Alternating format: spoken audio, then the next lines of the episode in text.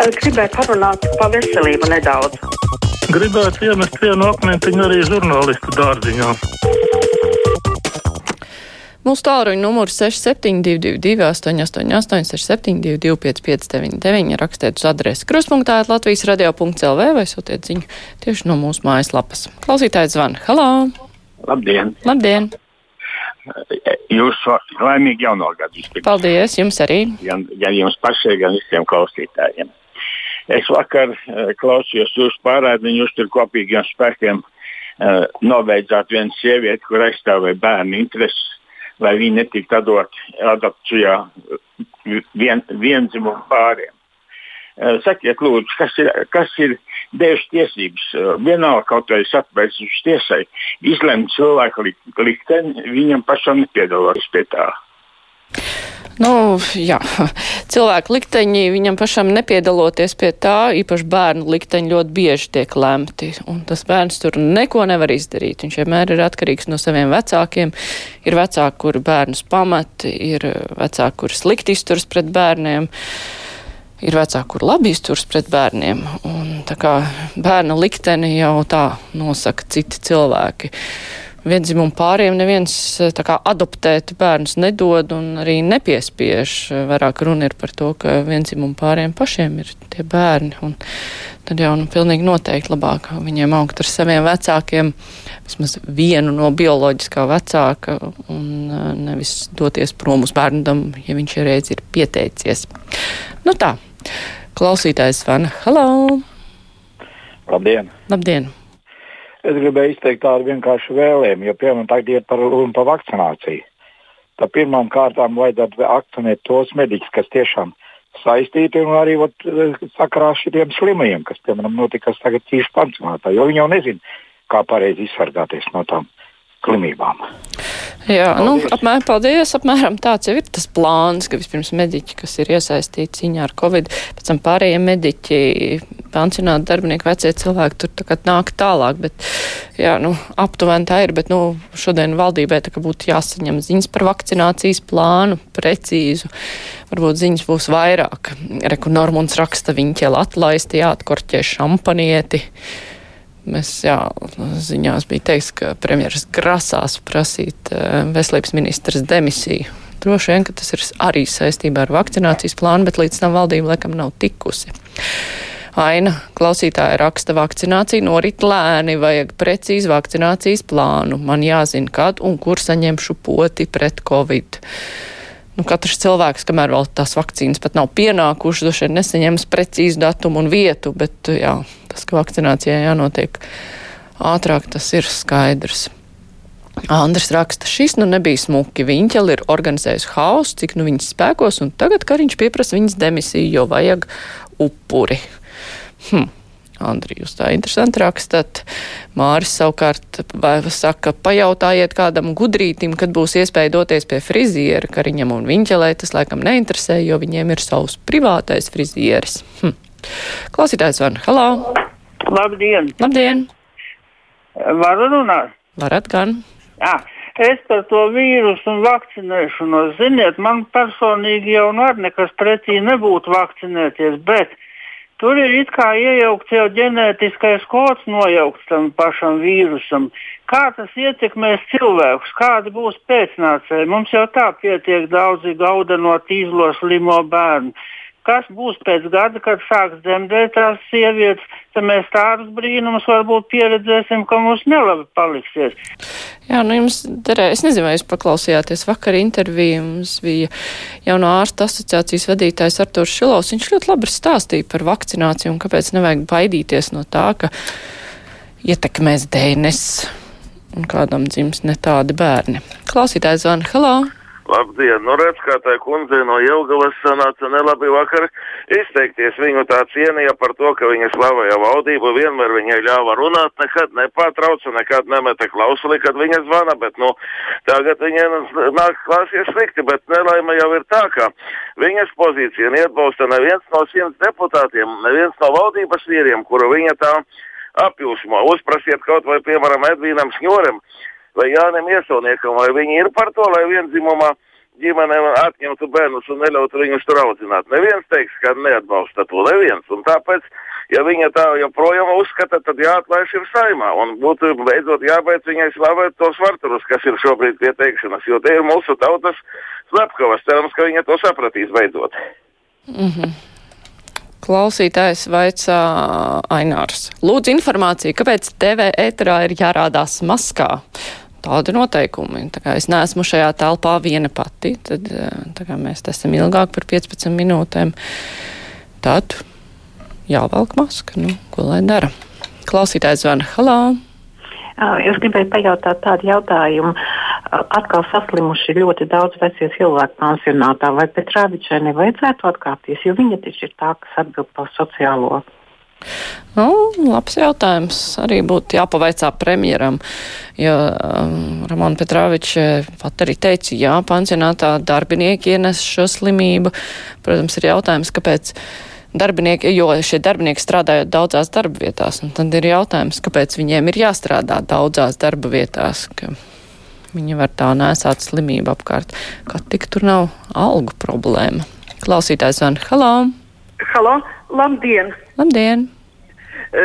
Kāpēc Radio viens ļauj nomelnot Latvijas valsti? Kāpēc tas aivars katru dienu var runāt un paust tādu negatīvu informāciju par valsti, par cilvēkiem? Teiksim, pasākumu dot pieci, viņš apsaukāja, teica, ka tās sievietes ir mazakistes. Jūs taču viņu varat atslēgt. Vis, demokrātija nav visatļautība un katrs nevar apsaukāt citus cilvēkus. Tas, ka viņš murgoja par to Sorosu, nu, labi, tas bija kaitinoši un smieklīgi, bet tas nebija kaitīgi. Bet tas, ar ko viņš nodarbojas pēdējā laikā, lūdzu, un jūs kā radio viens Latvijas radio nedrīkstat pieļaut tādu valsts un valsts vīru ap apmelošanu. Jā, paldies. Nu, mēs jau tā raugāmies tajā brīdī, ka mums izklausās, ka tur jau iet pāri. Uh, nu, vārda brīvības, uh, vārda brīvībai, tā kā sākas kāda cilvēka nomalnošana, naida kurināšana. Nu, mēs jau tā kā atslēdzam, bet no otras puses, nu, arī Aivars ir droši vien Latvijas pilsonis ar savu viedokli. Arī viņam ir tiesības uz savu viedokli. Nu, mēs cenšamies skatīties, lai tas neiet pāri visām robežām, vai vienmēr sanāk. Nezinu. Klausītājs Anna, halo! Labdien! Labdien. Es tā brīnos par to vārdu ģimenes, to izkultivēšanu. Man, piemēram, klases biedrs viens pats vīrietis izaudzināja divas meitas, un tik tad, kad viņas bija lielas, viņš apprecējās otrais. Vai tad viņš ar savām meitām nebija ģimene? Viena man paziņa, pazaudēja vīru, un māsa atnāca dzīvot pie viņas, pamet visas savas lietas un audzināja kopīgi bērnus. Un tie, tā, tie bērni, abas māsas, gan savu māti, gan mammas māsu, sauca abas par mamām. Vai tad viņas nav ģimene, vai tad tur, kur māte un vecmāmiņa audzina bērnus, tie nav ģimene. Kā var visu laiku mūžēt tikai vīrs un sieva? Kur tad ir tie vīri un sieva? Man mazbērniem dārziņā pusē nav tēvi, tikai mātes. Kas tās nav ģimenes? Es nesaprotu vispār. Jā, es jums pilnīgi piekrītu, ko lai saka. Tā Jānis raksta, kas notiek Daugopilī, nav kāds jauns vīrus, Aivars šodien pats sapinās savos murgos.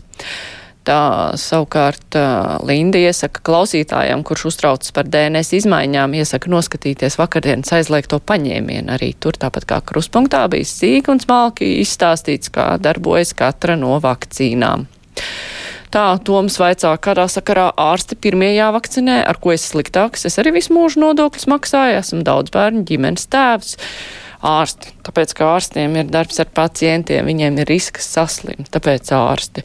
Tā jau, protams, būtu labi vakcinēt visus uzreiz, visus pirmos, bet, nu, tiemžēl nav tādas iespējas un tad skatās. Jo, diemžēl, ārstniecības iestādes ir tās, kur Covid ir izplatījies plaši. Tā. Rīta raksta. Ja Covid naudu dala uz visām pusēm, pirmām kārtām vajag iegādāties bez kontakta termometrus robežsargiem un lidostas starpiniekiem. Hm. Agate vaicā, kāpēc lidostā nav regulāra Covid testa veikšanas punkta, ko varētu izmantot babītas iedzīvotāji un avio pasažieri. Interesanti. Nu labi, klausītājs van, hello! Labdien! Labdien! Ziniet, es tā klausos, to mūsu redzējumu, klausos, ko tur klausītājs saka, un par valdību, un par visu.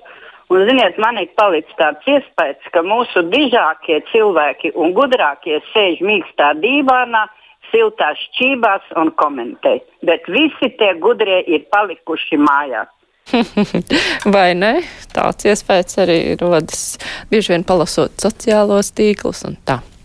Rolands raksta, manuprāt, šodienas karstā ziņa par veselības ministras demisijas pieprasīšanu ir tīrā politika, vai tik IKP nav kādu ultimātu vienotībai uzstādījusi pie tam, vai tik nav ļoti izdevīgs brīdis dot virsū attīstībai pārskatoties arī pūtas kontekstā, varbūt pat teikšana būtu šoreiz veselības nozars cilvēkiem par to, kā Viņķels kundze strādā. Paldies!